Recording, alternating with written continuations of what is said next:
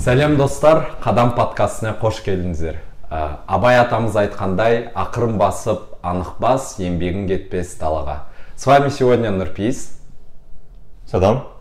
Галымжан Ақжол. А, Мы все инженера компании а, Meta. Так как это наш первый эпизод, давайте начнем а, с небольшого интродакшена. А, Фреймворк для интродакшена. Давайте а, постараемся ответить, откуда мы, где мы учились, в какой школе учились, в каком университете. И главный вопрос – это какой а, один кадам, либо какой один шаг, который вы делали а, повседневно, повлиял на то, кем вы являетесь сейчас и как вы э, сюда пришли. Галымжан, хочешь начать? Да, давайте начну. Мен универде оқып жүрген кезде ә, муит универінде оқыдым.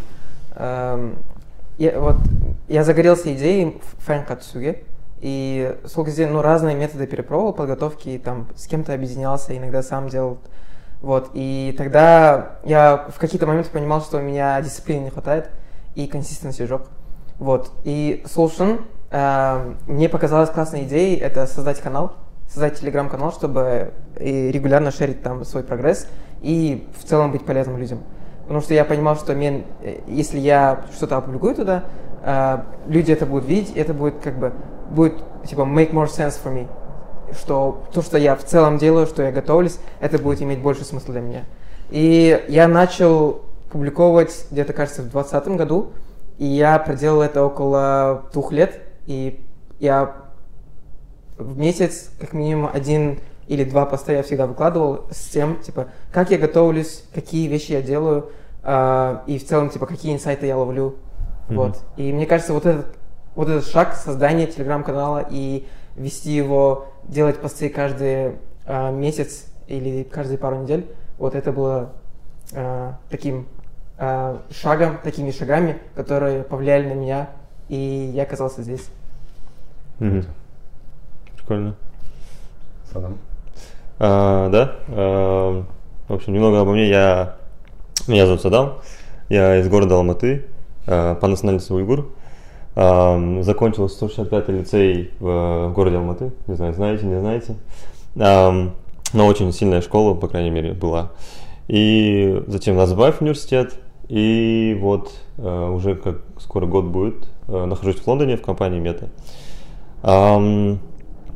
Насчет э, своего такого опыта, насчет э, consistently making some э, khaddams, у меня, наверное, сразу вспоминается мое школьное время, когда я учился, ну, наверное, прям с, с класса седьмого и вплоть до конца одиннадцатого, э, кажется, почти не было дня, когда я не решал олимпиадных задачек. Возможно, я не прям уникальный в этом плане, потому что многие, кто к Олимпиадам готовятся, они делают это.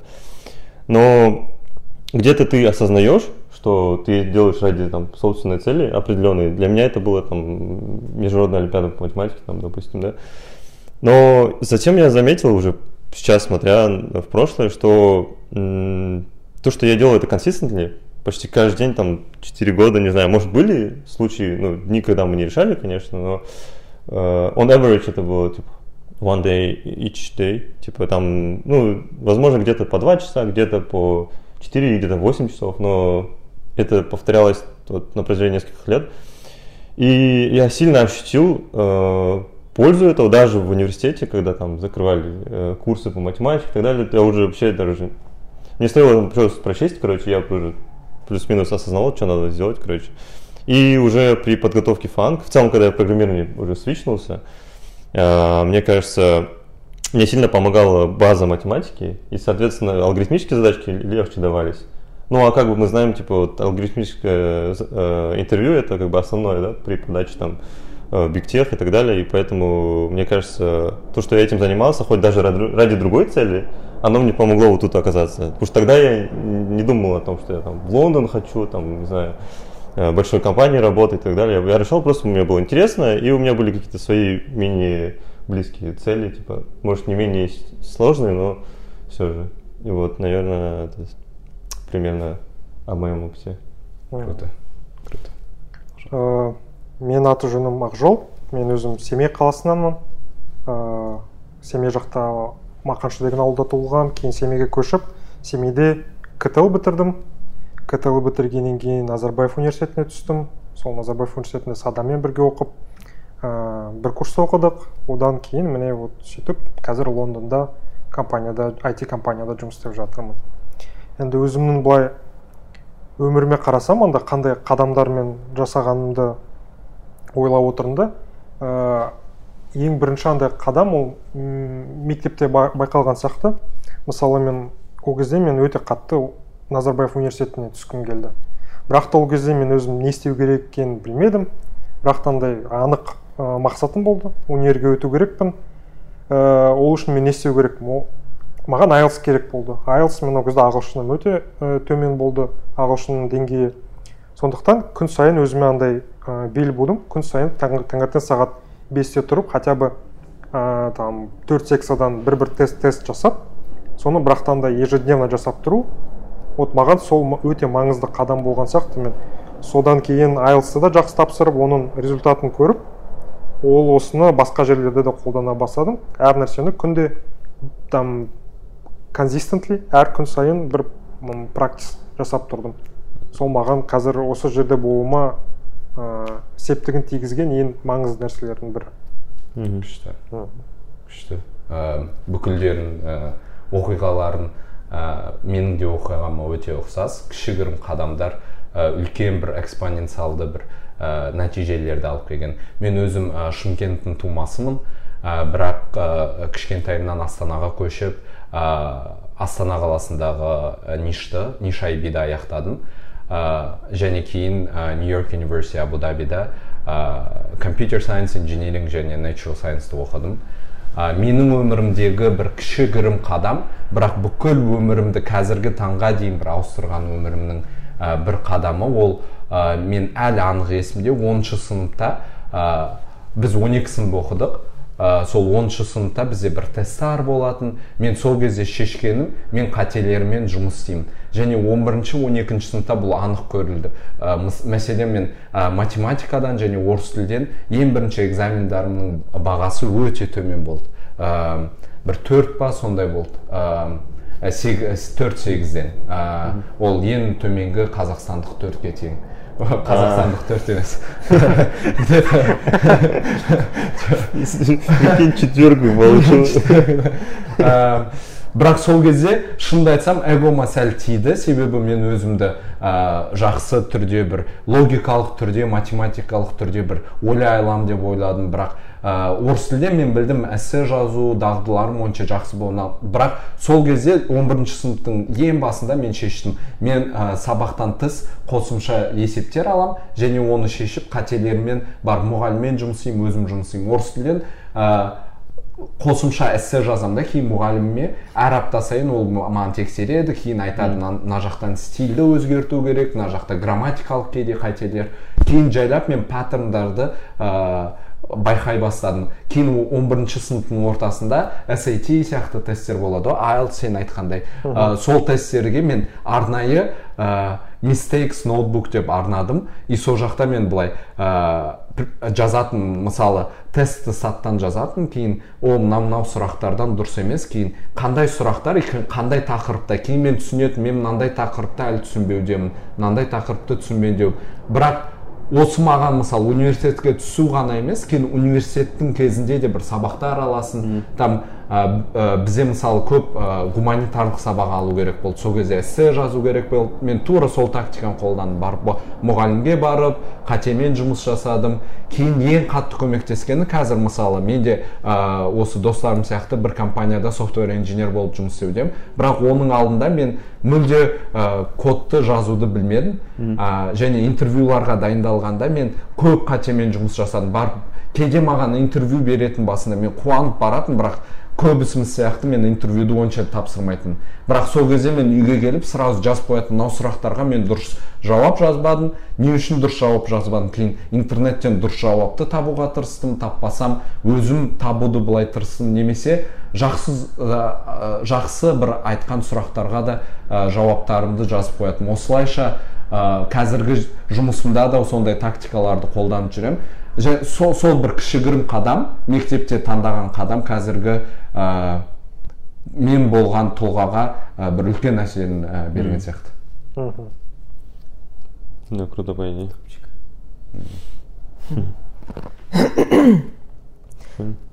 да енді ә, в целом не үшін не үшін жиналдық ә, не үшін осындай подкаст подкаст түсіреміз деген ойға келдік. Ол по идее үлкен бір история үлкен бір тарих. Ә, енді маған қызығы әркімнің ойла ә- әркімнің әрбіріңнің ойларың подкастты не үшін бастағандарың туралы өйткені біз төртеуміз жайдан жай жиналған жоқпыз бұл жерде. Ә, әркімнің өзінің бір мотивациясы бар осы подкасттан адамдарға беретін не өзіне алатын заттар бар вот сол туралы кішкене талқыласақ. Ә, мүмкін нұрпейіс Да, я, я могу начать, да. Ну, я, наверное, тут немножко нужно стоит рассказать историю, что мы примерно знакомы уже около года, да, наверное. Ам, работаем в одной компании, и, соответственно, как-то так получилось, что мы на одной позиции плюс-минус, одного возраста, и, ну, естественно, с Казахстана, поэтому сразу как-то хорошо познакомились, но я Вожолу знал давно. И как-то так получилось, что мы собрались, и мне кажется, наши там, еженедельные разговоры за обедом, за ужином э, проходили очень интересно, в том плане, что мы с разным бэкграундом, да, и эм, как будто каждый из нас понимал, что он видит другую точку зрения, и наши разговоры как будто к чему-то всегда приводили, да. И вот, кажется, в один из раз таких собрались, мы на завтраке вроде, и э, вот Нурпис предложил идею, у меня у него был подкаст, опыт, да, и то, что может мы попробуем сами тоже создать похожий подкаст, э, где тот контент, который мы вроде бы как производили между собой, чтобы люди извне могли посмотреть, да, чтобы посмотреть, как мыслят вроде бы как бы молодые люди, мы не прям, может быть, э, опытные или там шарим во всем, но посмотреть там, может, кто-то помоложе нас, может, кто-то наши ровесники, кто там начинает путь разработчика, э, чтобы посмотрели, как мы мыслим, может, мы производим э, хороший контент. И вот, кажется, одной из вещей, почему мы решили собраться, это то, что производить хороший контент, качественный. Э, Постараемся, возможно, мы еще не опытные, где-то будут какие-то нубские ошибки там, э, но мы стараемся сразу, чтобы качество аудио, видео хорошее было и э, ну и, соответственно, конечно, пытаемся более-менее э, какую-то хорошую э, мысль брать и ее э, по ходу развивать. Э, Вот, ну, наверное, это од- одна из целей наших, да? Да, спасибо за то, что рассказал нашу историю в целом. Мгм. Да. Там еще одна дополнительная причина, почему вообще мы заинтересовались подкастом, это, наверное, это что-то новое для нас там. Ну, многие из нас, вот у Нуртуписа и был опыт, но мы втроем вообще подкаст не делали. Я думаю, это вообще для четверых нас э, очень хороший опыт и возможность выйти из зоны комфорта и научиться, допустим, как что-то снимать, как делать что-то крутое, и чтобы оно было и качественное по контенту, и полезное людям, чтобы оно действительно людям пользу приносило. Мгм. И, конечно же, самим тоже вот учиться у друг друга, э, там дискуссировать, дебатировать с друг другом, да, вот разные темы.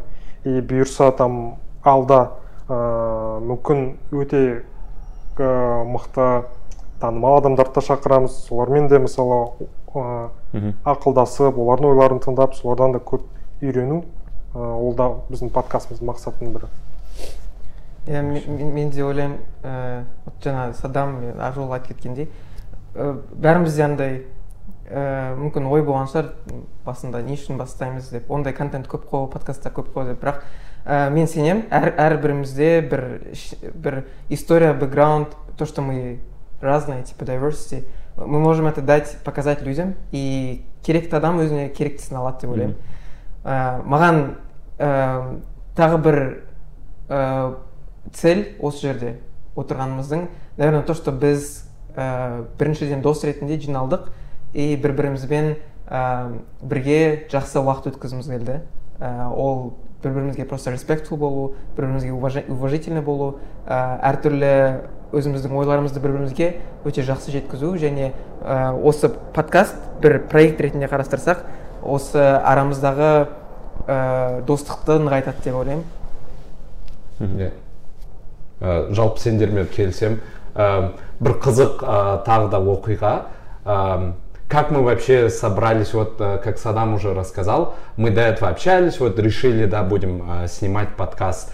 И э, так как мы все софтвер-инженера, уже год как работаем э, в большой компании, у нас у каждого уже появился более такой систематический образ мышления, как вот э, можно вот большой проект, да, подкаст, э, как можно это разбить и сделать э, какую-то систему. И мы тогда решили, вот давайте разобьем на цели, и э, на английском это будет goals и non-goals. Non-goals это фреймворк мышления, когда вы не имеете э, э, прямого э, инфлюенса, то есть прямого какого-то Влияния. э, влияния да, а, на результат. А, То, что э, э, только что рассказали вот Садам, Гала и э, Ахжол, это то, что мы имеем То, чем- влияние, Мгм. то, на чем мы реально можем каждый раз работать. Но есть один самый большой, э, несколько э, таких non-голов, то есть то, что мы хотим, чтобы было как side impact.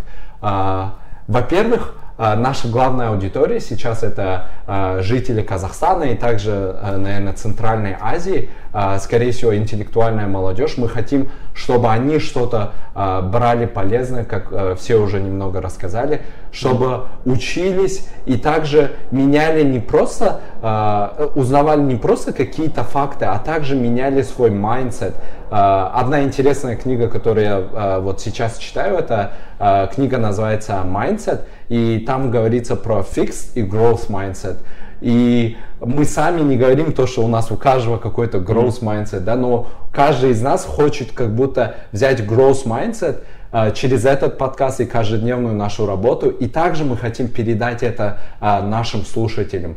А еще один такой небольшой non-goal это э, сейчас мы живем в, в эпоху социальных медий, да, где э, в- давно, если построили какой-то э, персональный компьютер, потом была революция э, мобильных э, телефонов, и сейчас революция э, креаторов, то, то есть создателей контентов, создателей, э, людей, которые на этих платформах что-то делают. И э, они таким образом имеют очень большое какое-то э, влияние на людей, так как у каждого человека есть свой какой-то бренд. И мы также э, хотели, под- мы также подумали, и через этот подкаст э, мы хотим создать какой-то э, бренд и какое-то влияние э, и аудиторию, которая будет э, как-то нас слушать и также давать какие-то э, свои э, фидбэки.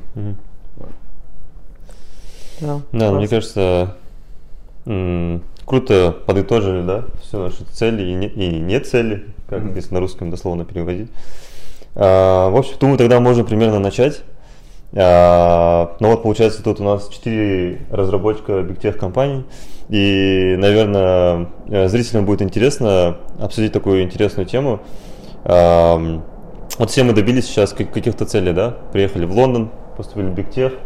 Но, наверное, на нашем пути а, было очень много сложностей, да?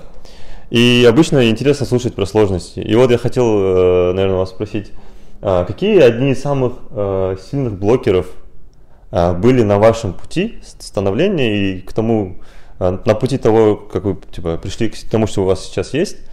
Вот какие у вас важные или там вы помните блокеры из вашего опыта есть, которые вы могли бы поделиться и возможно у нас они похожи будут, ну вот можем обсудить.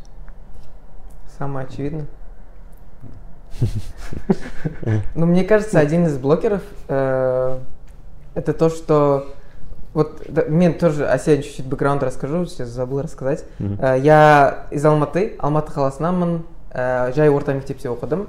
Сосын а, халықаралық ақпараттық техно- технологиялар университетіне түстім хату орысша Мгм. алматы қаласында ә, мен мектепке дейін программирование жасаған жоқпын ондай опытым жоқ. Мектеп мектеп кезінде. Ә, универде программированияны ұнаттым содан басталды. Ә, ең осы ра- разработчиктарға ә, в целом любой жұмыста наверное самый ең ең қиыны ол бірінші жұмыс табу шығар. Өйткені сенде универде оқып жүрген кезде сенде опытың жоқ сенде дипломың жоқ. Ә, андай күшті күшті дейтін басқаларға көрсетет- көрсететін өзіңнің бір ә, ачивменттарың жоқ достижениялар.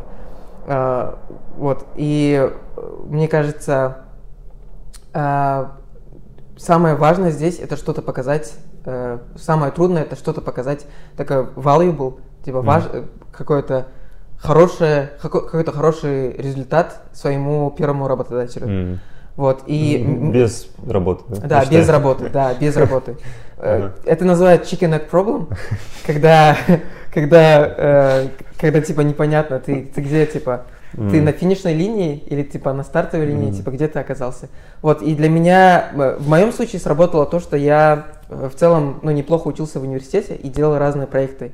А, Мне кажется, у нас немного в Казахстане типа чуть-чуть такой mindset есть, чтобы что чтобы найти первую работу, тебе нужно experience с production типа с прошлой работы. Мгм. И на самом деле мне кажется, что можно преподнес- преподнести свою там какой-то учебные проекты, любой experience, который у тебя был с программированием, если мы говорим конкретно о разработке, как production experience, это обернуть так и преподнести своему первому работодателю. М. И для меня, э, я тогда, конечно, так не мыслил, но мне кажется, для меня это и сработало. А Мен, вот, когда я учился в универе, э, я делал проекты для других э, моих э, сокурсников, для младших курсов. Это были учебные проекты. То есть я, я делал как? Я помогал им по учебе, я там преп- пре- преподавал программированию и параллельно еще делал им какие-то учебные проекты. Мгм. То есть они там могли мне заплатить, и это был как бы способ заработка То есть это опыт, да? Опыт и еще и, и, заработок, да. И плюс я им когда А, ну получается работа. и получается работа, да. Вот. И, наверное, вот это, типа, ну, главное, мотиватор, типа, студента, у него, типа, денег нет, у не- он живет на стипендию, и, типа, бірдеңе істеу керек а то что сен білесің сен миыңда бар это чуть-чуть из программирования и ты при- пытаешься вот этот типа вот Мгм. эти знания как-то превратить в деньги короче и вот этот как сол мотиватор мені как сайд эффект ретінде менің бірінші жұмыс табуыма алып келді деп ойлаймын мен бірінші ы, жұмыс жұмыс орныма барған кезде мен айттым вот мен осындай осындай проекттер жасадым басқа универ- басқа студенттерге көмектестім. И там мен де мысалы жиырма студентке көмектессем мен оған как как импакт типа жиырма студентке көмектестім жиырма проект жасадым. Деп ол сұрайды там қандай проекттер жасадың? Не сен айтасың көрсетесің? Типа мынандай мынандай проект жасадым потому что сен оны өзің жасадың соның бәрін айтқан соң и тем более сен оған ақша алдың. Ақша алдың деп айтасың да оған. И вот наверное вот тот experience как мен осы chicken egg проблемды сол арқылы шештім деп ойлаймын М, мгм. У Ну, поди, да, интересная проблема. Я думаю, может, каждый, да, зашерит, наверное, похожую. Ну, может, как вы тоже нашли свою первую работу, потому что э, всем, наверное, интересно. Может, у, у тебя, кажется, было что-то, да, похожее? Да, у меня, э, прежде чем как зашернуть, у меня есть вопрос такой, э, Ага. Галя. Эм, Ты вот говорил же, эм, ты брал деньги за проекты. Именно вот аспект того, что ты берешь за помощь деньги, изменил ли а чуть-чуть, типа, э, твое видение и как ты работал над проектами? И вообще, как ты думаешь вообще, э, допустим, если у тебя нет опыта, брать деньги изначально, это хорошая вещь? Это является каким-то другим мотиватором, что ты стараешься сделать что-то намного лучше, не знаю? Да, мне кажется, классный вопрос. Потому что, да, это сто процентов повлияло на то, как я выполняю свою работу. И в целом, вот до вот этого экспириенса у меня не было майндсета, что я буду зарабатывать на программировании. То есть, как у нас в стране происходит, люди поступают на специальность, в котором ничего не, ну, типа, у них нет никакой мотивации, и они даже на первом Мгм. курсе, они даже не думают о том, чтобы работать по этой специальности. Наверное, я был одним из таких людей, когда бірінші курсқа түскен кезде ой просто диплом алам короче э, у меня что-то будет какие-то скиллы но возможно мен бұл жақта жұмыс істемеймін деп Мгм. вот и когда я пе- получил свою первую работу мен вот именно взгляд на программирование вот attitude өзгерді и как-то да, во-первых, я начал более качественно делать проекты, потому что я беру за эти деньги, а, и как-то просто value программирования в моей жизни вырастет, да. Мгм. Ты понял, что это как туза, который может деньги раб- Да, зарабатывать, да, да, по да. идее?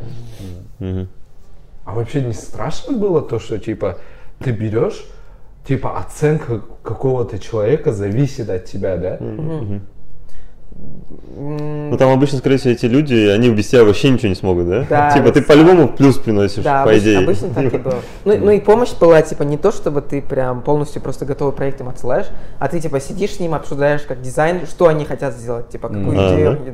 И потом ты, типа, говоришь там, блай-блай стик, блай-блай стик. И ты, ты как бы тратишь время вместе с человеком, чтобы сделать проект как будто вместе. И типа, мне кажется, у этого тоже полезная сторона тоже была. Типа, они не получали просто готовый проект, они тоже участвовали в участии, э, ну, типа, в создании этого проекта. А, то есть ты как бы учил их тоже, да, немного, типа, Да, чтобы они да. тоже думали с тобой, чтобы решить какую-то Да, и А, то есть они как-то ассессили результат, типа. То есть они примерно понимали, сколько они оценки получат за то, что они сейчас делают. Ну, это еще смарт. У меня то, что я помогал тоже. Напомню, у меня на первом курсе, кажется, очередь не заканчивалась в, каб- в комнату, потому что все просили там помочь, короче. Ну, я в основном э, бесплатно помогал, потому что, ну, как бы там, в основном друзья, короче, были. Мгм.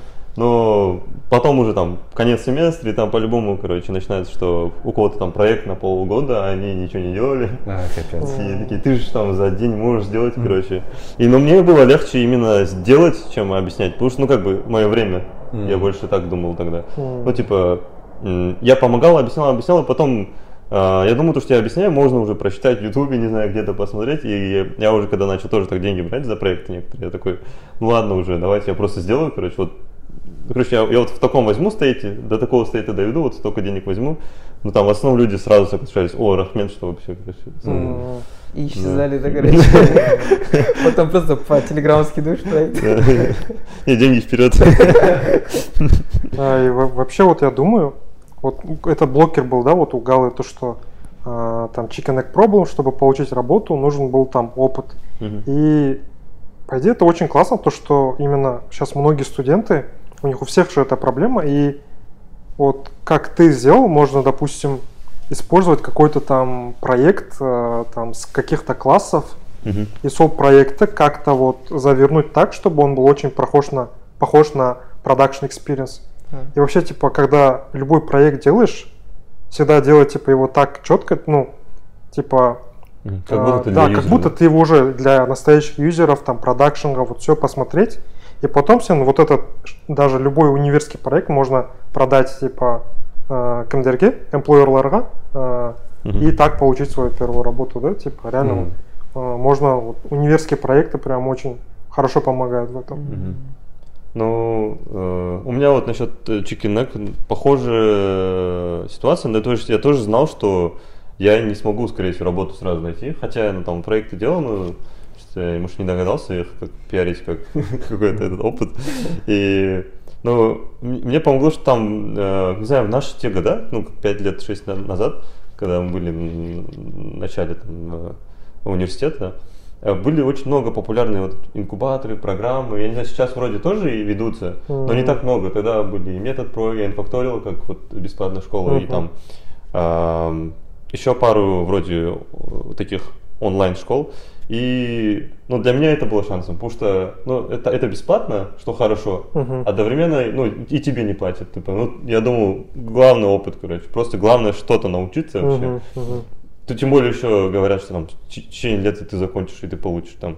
а, Ты сможешь любое приложение написать, и ты такой думаешь, что если я любое смогу, потом я и работу найду, короче. Ну и э, мне кажется, вот это тоже как бы на начальных этапах крутая вещь, как, как онлайн-школы, онлайн-курсы. э, и потом, вот как Ажол говорит, паковать это все красиво, мгм. что потом я да, тоже уже начинал паковать, что Мгм. вот я проект сделал, залил на App Store, грубо говоря. Мгм. И это уже считается, типа, для... Как если на джуниор разработчика идешь, ты умеешь паблишить, ты умеешь это делать, то делать, это делать, типа ты, ну, ты под джуна подходишь, по идее. И мне кажется, да. Ну Вот Круто, н- круто. на такие программы проходить, кажется, там тоже нужно Мгм. опыт какой-то, да, то что у тебя должны быть проекты, А, тебя ну просто так не возьмут, типа. Ну, мне повезло, да, что я просто про, э, в свободное время я занимался, типа, вот, э, олимпиадным программированием, типа, решал там ACMP, RU, Мгм. CodeForces, э, это сайты, где алгоритмические задачки решаешь. Мгм. И я их просто в GitHub закидывал. Мгм. то и повезло, что нет, там было так, там было, я не знал, что GitHub существует. Э, В application, вот, допустим, на Factorial было нужен GitHub э, проектов, короче. Я такой, что такое GitHub, короче, и туда зипкой, короче, свои, свои CS-файлы, короче, э, которые я сохранял, CPP файлы на, на компе, в зипку закинул и зипкой в GitHub, короче, закинул. Я не знал, что гит есть, короче. Закинул. Потом там со школы какой-то проект был, который я в школе еще не сам делал, там мне помогали, короче. Я его тоже там, это Delphi был язык. Я его тоже что-то в зипку упаковал, тоже закинул, короче. И там вот Readme уже нормально написала красиво, то-то, то-то. Мне кажется, порешало, что там разные типа языки, и, ну, как бы, Тут, короче, надо креативить, да, насколько мы видим, там, типа, тут креативить, что ты там, и себя красиво показывать. Мне кажется, это не только при начальной работе, да, мы же когда на любую работу ищем, мы там нужно красиво упаковать, как ты что-то делал вообще в прошлом. Мгм. Это, грубо говоря, резюме, по идее. Мгм. Ну вот, да. Тут еще доб- добавить, вот как Ажол сказал, или как ты сказал, типа упаковать, но э, какой-то тоже а, взгляд надо поменять, типа, если учебный проект, то это не просто учебный проект, типа, ты не- Мгм, это да. не останется учебным, это может быть чем-то больше, чем учебный проект. Не Да. ради оценки, да? Да, ты да? Да, да, да. Ты можешь привнести больше value, типа. И, наверное, чтобы как э, больше веса добавить в этот проект, и ты в голове думаешь, короче, надо, где я могу это использовать, типа, я Мгм. могу это показать потом куда-то, где-то. Мгм. Вот как мы CV-шки делали, это же то же самое, по идее. Типа, мы проекты делали для CV-шки, допустим, я проекты делал не для того, чтобы они просто были, а для того, чтобы их добавить в CV, и для этого я хорошо их упаковывал, хорошо код писал, заттар. В итоге хороший проект получился. Да, да, да. Вот, э, вот очень интересно, да, одна вещь, которая мне очень сильно нравится, э, когда я обычно слушаю какие-то вот э, такие подкасты, да, там типа modeling есть. А, Вот, допустим, давай я буду интервьюером, и ты, Гала, ты будешь тем же студентом, которым ты был, был не знаю, в первом-втором курсе, я буду первым твоим э, работодателем, и ты должен мне продать э, то, что ты сделал, допустим, вот, вот эту систему какую-то создал, да. Эм, давайте какой-то типа role modeling сделаем. А, типа, плей да, по ролям поиграл? Да, да, да, по ролям, типа, я буду... Можно я рекрутерша? Здравствуйте, а чего вы к нам пришли? Э, э, Я давай как буду, не знаю, software инженер, middle, э, senior в компании, и, и буду спрашивать, вот, Галм, вот я твое резюме прочитал, у тебя какие-то там проекты есть, почему мы вообще должны тебя брать э, на эту роль? Эм, Ну, мне кажется, что я подхожу по требованиям, и у меня есть хороший опыт. А, Я делал много проектов во время обучения в университете. Эм, Самый большой, наверное, мой проект это то, что я а, делал десктопное приложение на Java, и я изучил а, Core Java, и для UI я использовал JavaFX фреймворк. С, таким подходом я сделал целую систему разных проектов. Оно включает в себе 20 разных проектов, которые в разных доменах. Ам, Сейчас конкретно не помню, какие именно проекты были, но там были проекты типа заказ такси, э, заказ ам, м, order food, э, то есть заказ еды. Э, Там были проекты, где можно было загружать э, типа как marketplace, загружаешь товары, и другие люди смотрят на него. И также я делал э, чат, чат, чтобы два человека могли общаться через Мгм. два открытых приложения. То есть они О, подключались по, по, по сокету и могли обмениваться сообщениями. Через Давайте тогда у нас на middle инженера возьмем сразу. Что-то вы не один проект, разные системы построили. Ты с компанией уже. И Uber все построили. Задр, задр. Еще надо было сказать, я вам сейчас через 5 лет я буду в мете работать. Возьмите меня или упустите возможность. Не, э, просто они, по идее, проект, ну, типа, простые были. Допустим, marketplace это просто загружаешь товар, и другой человек, ну, типа, загружаешь товар, типа, юзер заходит, как ролл у тебя, э, там, продавец, короче. Мгм. И ты заходишь, еще раз перелогиниваешься, типа, у тебя нету второго инстанса этого ап- апки. У тебя та же апка, просто логаут делаешь, логин делаешь, но уже через юзера, у которого ролл, типа, просто кастомер. И Мгм. ты смотришь те же, ну, типа, эти позиции, которые ты загрузил через другого юзера. Мгм. Типа, типа такие простые, типа Ну, по идее, мощно там авторизация начинала уже. По идее, да? Там вроде, когда на джуниор бэкэнда подойдешь, если авторизацию знаешь, все сразу берут, я помню, даже в России вроде. Круто, круто. А ну вот ты сделал эти проекты и создал очень много проектов, а потом как ты мог, мог ли ты монетизировать этот продукт или что ты делал? По идее, э, это были проекты не для того, чтобы типа они были, а это были типа проекты на заказ. То есть можно сказать, что это был фриланс. М, М. понятно. То есть у тебя уже тогда было такое продуктовое мышление, да? Ты создаешь не только, чтобы он у тебя в компьютере жил, да? Ты создаешь, чтобы как другие люди использовали как продукты. Да, сто процентов. Ну, то есть э, главное то, что мне платили за то, что я делал. Э, То есть э, они как делали какой-то ТЗ, Мгм. мои, мои заказчики, э, и по этому ТЗ я создавал им э, проект. Круто. Круто. Мгм. Да, офигенно. Прикольно, да. А, у кого-то еще э, какого-то рода блокеры были? Может, Ну, вот у меня, наверное, тоже есть один очень интересный случай. Э, Вообще я, типа, до э, Лондона был Android-разработчиком. И это очень интересно вообще, типа, как я к этому пришел. Э, По-моему, после второго курса, что ли, я такой думаю, блин, надо уходить как-то в какую-то специализацию.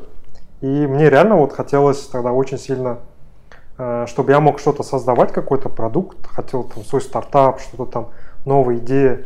И я, дум, я подумал, типа, блин, было бы прикольно, если бы эта идея, она была всегда со мной в кармане, я мог вытащить, там, использовать. И, и мне в голову пришла идея мобильного разработчика. И там дальше уже тоже он, там, он делится, там iOS разработчик, Android. Но тогда у меня Mac не было, у меня выбора тоже не было. Мне пришлось стать андроидером. По такой причине Android кагеттім, короче. И вот Android деп таңдадым. И появился сразу блокер, короче, огромный блокер, который там, э, если бы его не, не пройду, тогда все, я типа андроидером не стану. И это был мой девайс, э, персональный лаптоп, и он был, короче, нереально слабый. Типа обычно офисный девайс Мгм. и рама было мало, э, SSD не было, и, короче, нереально медленный. Я не- и так и не смог Android Studio установить, чтобы на нем работать. И в один прекрасный день мы нулем то, что, блин, мне нужно увеличить RAM, у меня 4, мне нужно еще сверху 4. Как-то случайно что-то там у нас в универе есть группа, называется Ну Маркет там. И смотрю, один пацан RAM продает, короче. 4 гига RAM, менде бар там. Э, покупатель смотрю, кім екен сол сөйтсем садам рам сатып жатыр да база жоқ дедім да короче барып Любовь с первого взгляда, действительно. Что-то дешево, да? Конечно, дешево. Я такой, багасын қанша спрашиваю, он говорит, так символически чисто за 2000 тенге дейді да. Я такой, нифига себе, деп, короче, барып рам купил. все, у меня рам появился, 8 гигабайт. И потом пошел SSD где-то, по-моему, Белом ветре, что ли, где-то там купил. SSD поставил, на нем поставил, рамды қостым да. Android Studio запускаю. Рамка мощная, да, была? Рамка вообще нереально на мощная. вот-? Трансформер, да, компьютер такой слабый. компьютер начинает летать. Вот, и рам бәрін қойғаннан кейін. Прихожу домой такой радостный, вот время проверки надо проверить. Э, устанавливаю опять Android Studio, там эмулятор, все скачал. И у меня он, короче, запускает и вообще не лагает, короче. Мгм. Капец, и... Покупайте рамки. Да, да, да, вот. Реклама. реально. 2000 тенге. Вот сондай блокер болды. И это мне капец помогло э, вот рампапнуться, вот начать, да, вот первый шаг болды қадамым. Э, это вот купить рам керек нәрселерді Мгм. повезло то что там э, садам да то- тоже тогда продавал там Ну, или можно вообще деш- дешево найти любой ЖД Мгм. по идее қойып как-то от этого blocker а избавился Ну да, понятно. но вот уже дальше это еще blocker наверное дальше же у меня был еще один blocker это вот жаңағы галан айтқан blocker ы как получить э, работу да без опыта там работы там для работы нужна работа там менде ондай жоқ и вот дальше уже это другой blocker болды наверное как я это сделал жаңа вот гал айтқандай как-то универские проекты там так упаковал и показал, как будут это типа мои проекты. В основном я типа замечал, адамдардың көбі универский проекттерді айтпайды, что это универские Мгм. проекты, как будто они это типа сами делали. Я, наверное, тоже так делал. Типа это я сам... Э, сам мотивирую. Сам мотивирован, да, типа самому было интересно сделать там проект там погодные приложения или всякого рода Хэштейбл. да, ну, да, хэштейбл там, функцию менял там. Чисто интересно, да? Чисто интересно, дата структура. Как-то соны прям упаковал, перефразировал то, что вот осындай нәрселерді жасадым для оптимизации. Содан кейін это мне помогло получить мою первую работу. Э, Это неме Летом, по-моему, вот жаңа садам айтқандай всякие инкубационные программы там, метод про, а у меня было, по-моему, One Technologies, они устраивали да. летние трехмесячные курсы, короче. Мгм. Они типа Android K там за три месяца готовят, чтобы ты был готов именно в индустрии работать, там, продакшн, да. И соны біткеннен кейін они предлагают тебе там стажировку у себя же в компании. И так можно получить быстрый первый опыт. Сол компанияда істеп істеп и дальше у вас нереально там рост пойдет типа нереально экспоненциальный рост пойдет реклама да да да. и в целом сондай вот. Вот этот блокер реально Казахстанда сейчас очень много программ где компании сами устраивают тренинги чтобы потом себе же захайрить короче и вот это очень сильно помогает А как вообще искать такие возможности? Я вот, допустим, у меня нету никаких ресурсов, я не знаю, как начать. Мгм. Как можно такие вот а, opportuni- возможности найти? Мгм. По идее, в соцсетях, да, кажется? по идее вот в основном в соцсетях да. Казахстанском kz сайте, не знаю, там, Какие, допустим, каналы, не знаю. Телеграм. Теле- в основном Телеграм, Да. интервью school, Э, э, там телеграм-каналы. университет. Допустим, КБТУ, да, есть телеграм-канал, где СДУ какой-то комьюнити есть. Э, Там я часто брал вот эти. Мгм. Ну, мне еще кажется, там, если на опытных разработчиков какие-то подписан быть, там, даже в Инстаграме, я помню, везде там репостили вот то же самое nFactorial, One Technologies, Мгм. Жусан, э, Сташка, еще что-то Да. такое прям, э, ну, как бы, мы, мы сейчас тоже стараемся, стараемся, если какой-то opportunity для там, кто на меня подписан, зашерить, чтобы люди там, Мгм. кто ищет свои opportunity. Мне кажется, многие так делают, и, соответственно, если быть в казахском каком-то пузыре там, э, интернетском, Мгм. э, тех- технологическом, то там а, эта информация прям гуляет везде. То есть главное туда залезть, и так, как они сказали, то, что телеграм-каналы, мне кажется, То да. есть соцсети, да, в основном? Да, по сути. Просто у нас, типа, есть же, типа, Headhunter, крауд, М. такие возможности, типа, редко на- находишь Там, в да. карьерных сайтах. Жиза, да. как будто больше именно следить за соцсетями. Мгм, мгм. М. У меня немного другой опыт, так как я в основном после школы жил за рубежом, я чисто смотрел в LinkedIn. М. Ам, Там не было такого концепта типа телеграм-канал. Мне кажется, телеграм-канал в основном в СНГ да, популярен. И обычно про работу, не знаю, в Инстаграме тоже не писали так много. Ну, А, зарубежные, да, Да. компании. Поэтому я всегда смотрел LinkedIn, либо у меня в университете там тоже есть какой-то портал, где есть а, работы, называется а, работы именно в университете, а, какие работы. Вот, если вы, у вас, вы тоже обучаетесь за рубежом, вы можете а, посмотрите по, по внутренним порталам, типа Career а, Portal, а, и там можете а, посмотреть, может, есть какие-то возможности. Мгм. Ну вот, кстати, мне, мне очень нравится, допустим, я не, ну, мы в, мы в Назарбаев университете, у нас был карьер адвайзинг центр, он вроде бы какие-то opportunities э, выкладывал, да? Да, там, он- Вот, допустим, Жусан, я знаю, что многие нашли а, стажировку или даже работу после универа, или там еще какие-то. Но мне нравится, допустим, я слышал, что в СДУ, тут, конечно, у нас СДУшников нет, да, но у них прямо развито вот это, допустим, партнерство с казахстанскими компаниями. А, круто. Очень развито там. Весь четвертый курс можно не учиться, а работать. И это засчитается как, Как кредиты, как да? кредиты. Вау. Плюс ты, у тебя уже год работы есть после окончания, получается. Вот у нас есть пару знакомых, кто так работал. Кажется, большинство СДУшников из-за этого, а, если вот эти статистики смотреть, допустим, казахстанские компании, есть, допустим, колеса, которые делают статистику по университетам, а, какое большинство, большинство количество программистов из каких университетов работают в КЗ-компаниях. И вот именно в топовых везде СДУшники. Потому что, наверное, большинство больших компаний Казахстана хороших, они в Алмате же. И СДУ, ну, он с Кас- с Каскелени, но студентам удобно, получается, работать в Алмате. И благодаря вот этой программе, мне кажется, они очень хорошо развиваются в этом плане. Мгм. То есть, а, как бы, какие-то университетские, значит, э, смотреть, если программы, то это тоже вполне, как бы, хорошие варианты. Ну да. Это круто, по идее. Вот я думаю, типа еще не прям иногда обязательно, да, типа вот через такие программы проходить. Басқа жолдарды бар да, допустим, э, можно начинать через какие-то онлайн-курсы, например. Вот как я, типа, Android-то мне помогло. Э, есть сайт, по-моему, Udacity, кажется, и там есть бесплатные курсы, абсолютно бесплатные курсы от Гугла по Android-разработке. Для тех, кто вообще кодинг не знает, типа для абсолютно бигинеров. И там есть вот basic уровень э, от начинающего до продвинутого уровня. И там это типа нереально жестко мне помогло, по идее. И онлайн-курс нормально. Онлайн-курс вообще нормально. Просто надо тоже его consistently, ежедневно бір какой-то уақыт бөліп делать. Просто, я не знаю, блин, сейчас это немного тяжело, потому что сейчас курсов миллиард. Мгм. И можно утонуть просто, типа, потому что выбора дофига, ты выбрать не можешь. Вот там нужно, нужно тоже как-то спрашивать, может, кто-то как-то этот курс проходил там. Мгм. Вот лично я вот могу смело порекомендовать Android.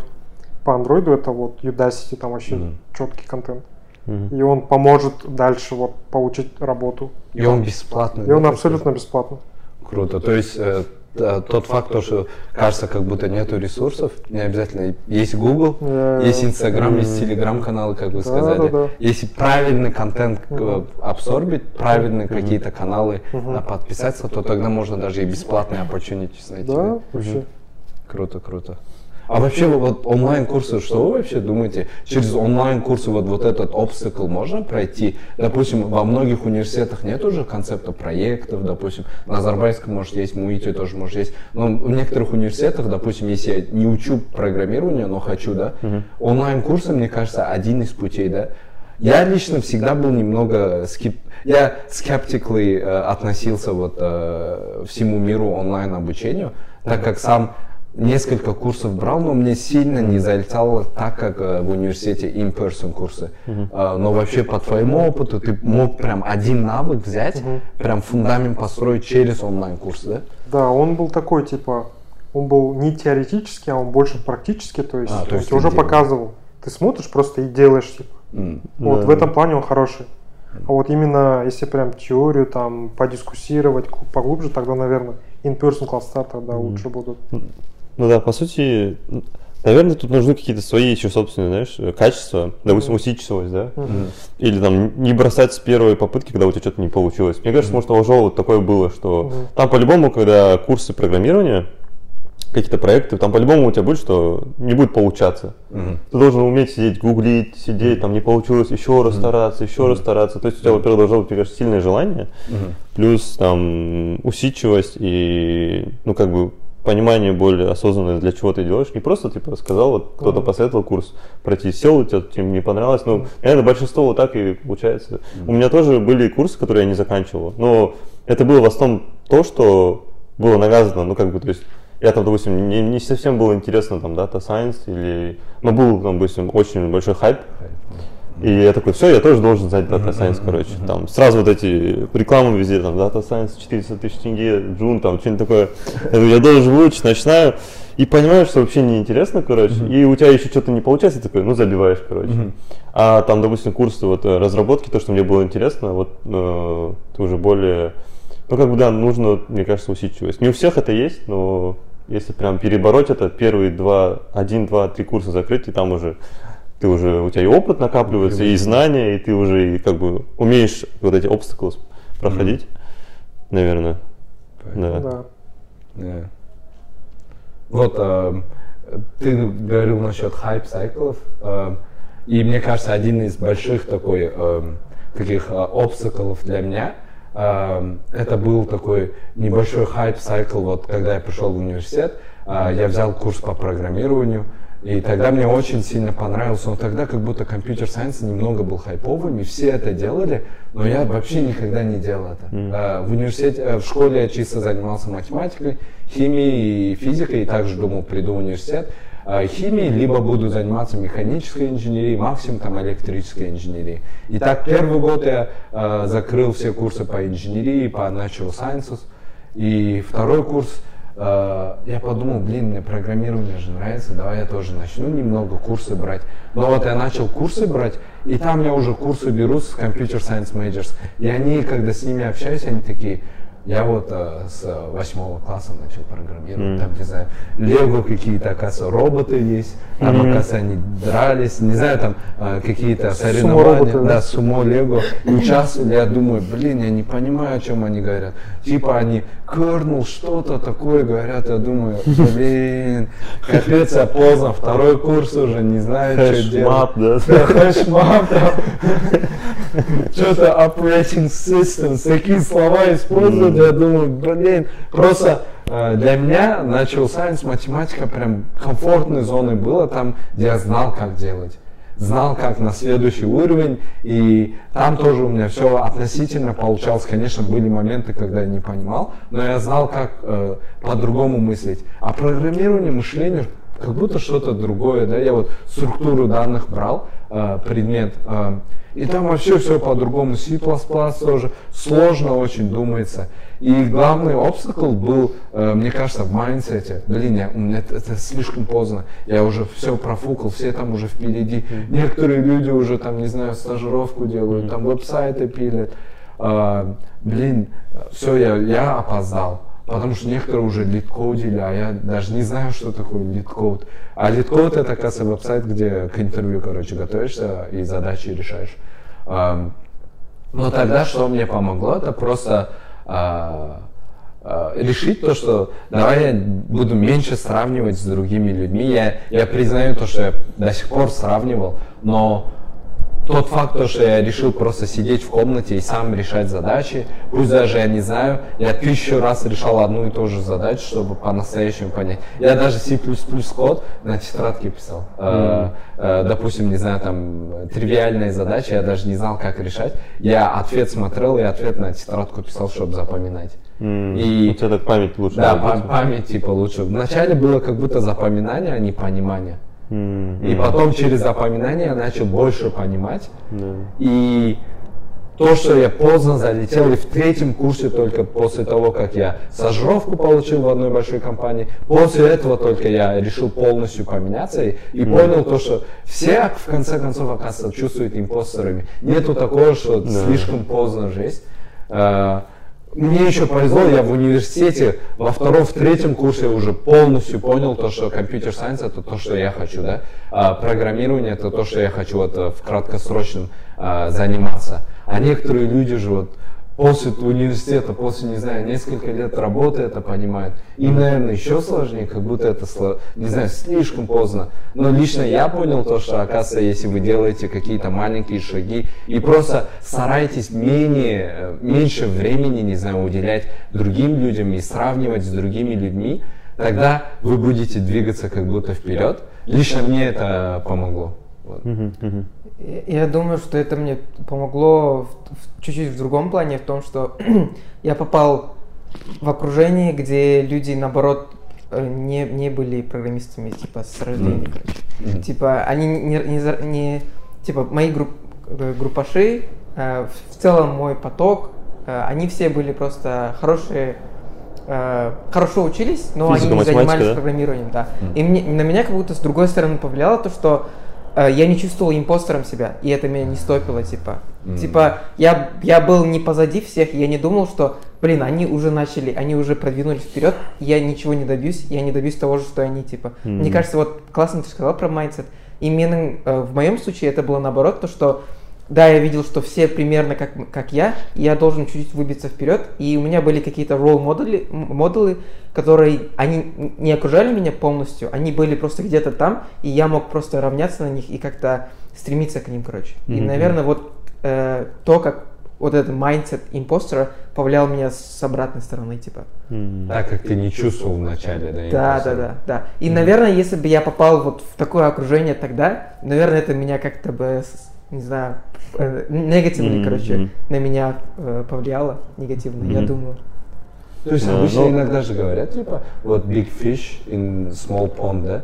Ты тогда был big fish in small pond, да, грубо говоря? Ты был, э, ты был более таким э, уверенным, прошаренным в программировании. И вообще это, ну, как бы ты тоже здесь. Это тоже, ну, неплохо. Обычно говорят, это плохо, если ты самый лучший среди своих э, друзей. А когда вот, ну, типа, как ты думаешь, это бы, те- э, как повлияло на тебя, на твое мышление, то, что ты был, не был импостером? Блин, хороший вопрос. Э, Я не думаю, что я был прям биг фишем, потому что, ну, э, до, вот, до поступления в мета, типа, меня ни- ничего не... На самом деле, типа, до сих пор ничего, конечно, не отличает, но у меня не было такой мысли, что я прям лучше их шарю в чем-то, короче. Мгм. Э, моих друзей, моего окружения. Просто у тебя была вера в себя, наверное, да? Что типа я вот могу. Да, и у меня была вот такая мысль, что я просто могу отличиться, короче. Я Мгм. могу это сделать. Я могу стать Мгм. бигфишем. Мгм, мгм. М. Везде Да. как будто вот типа из-за того, что у нас было окружение, допустим, именно Назарбаев университетінде, бізде как будто триггер был это само окружение, типа сен Мгм. видишь, когда люди что-то пытаются, неме етеді, и вот өзің қарап тоже солардың арттарынан қайталауға тырысасың да тоже. То есть там, наоборот, адамдар болды, которые уже да, вот делали, онда да? наоборот, Мгм. галада как будто өзі өзіне сондай келді бар ғой, М. а там типа сен хочешь не хочешь сен в этом окружении сен М. Да, ну подпинул тебя. По-любому Ты тебя не хочешь сзади подпинывают. быть. Да, да, ты не хочешь, ты хочешь быть вместе с ними, да, то есть тоже начинаешь лид-кодить там неметіп, и вот тоже этот толчок сондай. Мгм. Вот вы задели тему импостера. Мне кажется, ну, ну, наверное, стоит проговорить, что эм, как будто, ну, по крайней мере, в моем пути ты всегда чувствуешь себя импостером. Мне кажется, круто каждый человек. Я даже смотрю и там на каких-то мощных людей для меня. Мгм. И мне кажется, они тоже по-любому в определенный момент времени там и иногда чувствуют себя импостером в том плане, что тебе кажется, что многие знают, а на самом деле просто каждый знает что-то больше, чем другой.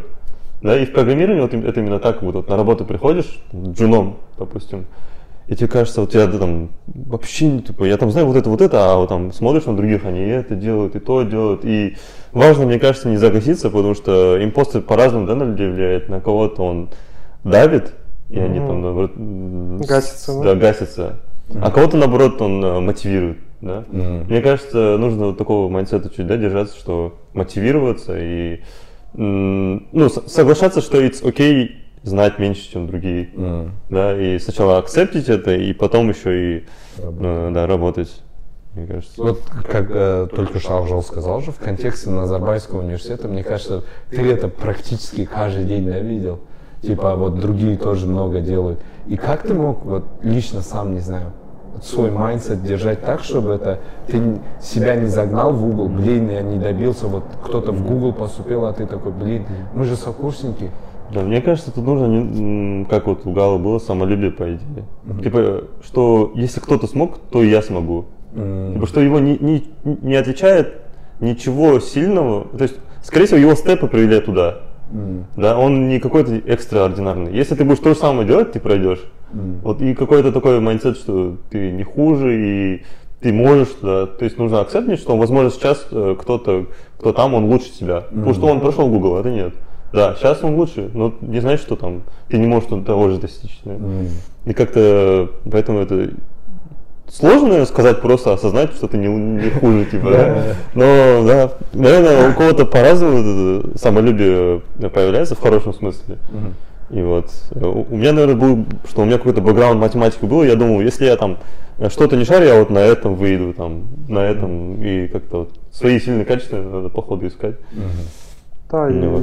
мен тоже мындай бір қызық ой ұстадым то что типа себя директли с кем-то сравнивать это тоже типа неправильно потому что у каждого разный стартинг point был разный контекст был это типа андай apple to apple comparison емес та типа и нельзя так сравнивать типа у него свой путь был. И сен просто қарайсың он типа как он делал он там два года три года до этого чалил там что-то изучал как-то там проекты делал. Просто қарап как-то посмотреть вот чему ты можешь у него научиться там вот он так делал, его, его это к этому привело там. Мгм. И как-то смотреть, допустим, а я как могу сделать так? Может, может у тебя как-то вообще по-другому выйдет пароль? Мгм. Мгм. Вот, да, вот как-то это должно быть, андай, позитивным триггером, то, что и андай, и learning experience, да, то есть біреудің жолын қарап, олардың жолдарын үйреніп, и өзіне как-то оттуда что-то там извлечь там. Мгм. Э, как-то вот так, наверное, нужно. Добавлю. Вот э, классно сказал про то, что с- сравнивать, ну, неправильно, но мы как будто всегда сравниваем, Мгм. и вот, типа, да, у нас разные стартинг-поинты, оно, Мгм. но, и мне кажется, внимание как будто иногда стоит обращать не на разницу, короче, Мгм. а именно на схожесть. И мне кажется, в моем случае, типа, я видел людей, которые там на Ригби был, а Аману Тимуратов был, который, на Ригби типа Booking, а Аману Тимуратов это Google. Google, да, Цюрих. Мгм. Они от- отучились в моем университете. Я думаю, они же отучились в моем университете. Мгм. Типа мы в этом схожи, у нас бэкграунд, по идее, похож. Значит, типа я тоже смогу. Мгм. И мне кажется, здесь прикол в том, что даже сравнивать можно как-то положительно, знаешь, типа мы люди такие, что мы обращаем внимание, фокус типа именно на Негативе. да? негативные вещи, а Мгм. есть положительные вещи в Хорошо. виде схожести, типа. Мгм. Вот, Мгм. мне кажется, фокус Суан Гуйсан, это Мгм. может быть хорошим. М. Типа вот мы Круто. схожи в этом, они тоже учились в МУИТе, я тоже учился, типа, они Да, прошли да. в Google, значит, я тоже пройду, Да, да? да, да. А не так, что вот они в Гугле, а я не в Гугле, типа. Да, мне кажется, еще дает сильный там э, толчок тоже людям, допустим, если кто-то с маленькой школы прошел, и, и, и, допустим, э, ты в этой школе учишься и видишь, о, смотри, школа там маленькая, там, может, не сильная школа, а он прошел в Google. И ты думаешь, веришь, что вот отсюда, то есть хоть откуда можно как будто, да? Это тебе чуть-чуть этого дает, какой-то мотивации, плюс м, ты такой думаешь, о, и начинаешь изучать, может, да? И Многие начинают изучать, а как он отсюда туда прошел, и там начинают копать и повторять степы, возможно. Да, и это тоже поэтому хороший поинт. Да. Вот. И, ну, тоже насчет блокеров, наверное, чуть-чуть расскажу про свои. Э, Один был похожий на вот, э, не знаю, насколько похоже на Рписовский. Короче, я вот как рассказывал, что я занимался олимпиадой математикой в, в школе, и я не видел, если честно, дальнего, дальше, короче, что. Э, ну, что после, после школы? Я думал, ну, в универ пойду, да, какой-то. Мне там сильно, допустим, помогла мама в том плане, что направляла, там, вот, смотри, такие вот университеты есть, вот это то, такие-то специальности есть. А я вообще об этом не думал, я такой, вот я, короче, олимпиадную математику дотал, короче, печались. А там такая проблема, что после школы ее не существует практически, грубо говоря, да. Э, там вышмат это другое, короче, и и я вот закончил, и ну, получилось, что вот мне как-то помогали с направлением, там какие-то знакомые, кто на ЗПФ университете учились, я такой, ну, ну, хороший университет, типа, я не, я не целился там MIT Гард или там, может, если готовился, может, какие-то шансы были за границу ехать, я такой, в России поступил, но в России не сильно хотел ехать, я такой, ну, на ЗПФ университет и ты, короче. И помню, что у меня было два чойса, был, у меня даже грант был на Direct, типа на первый курс сразу, а, потому что там республиканскую выиграл, допустим, она сразу дает грант, и на фаунд я поступил через там экзамены. Угу. И, короче, была такая ситуация, что эм, это я чуть-чуть историю рассказываю. То, что у меня был шанс, короче, либо фаунд, либо э, выбрать директ. Угу. И я что-то такой, ну я даже специальность не знаю, короче.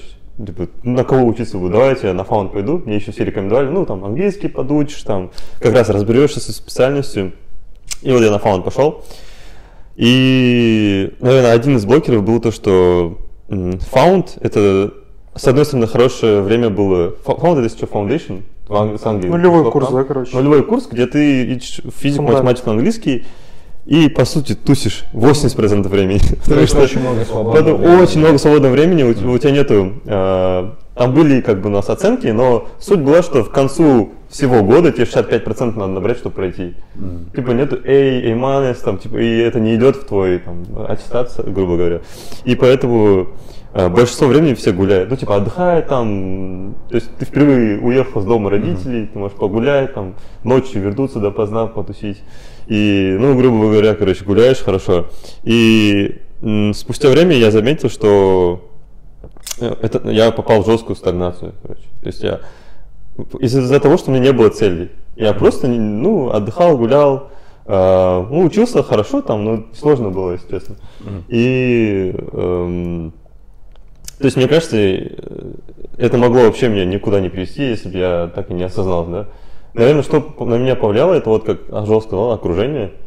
Э, я заметил, что там был у меня один знакомый, который Э, бывало меня подстегивало в том плане, что, о, смотри, типа, ты же там математик мощный, а я вот это сделал, короче, я там какой-то код написал, у меня то-то делает, там, меня-то туда-то позвали, там были разные, не знаю, путкампы и так далее я что-то смотрю, и как бы, ну, чуть-чуть обидно становится. Типа, я ощущал себя, как вот я олимпиадный математик, там, я на вес поездил, типа, в школе это уважаемый человек, типа.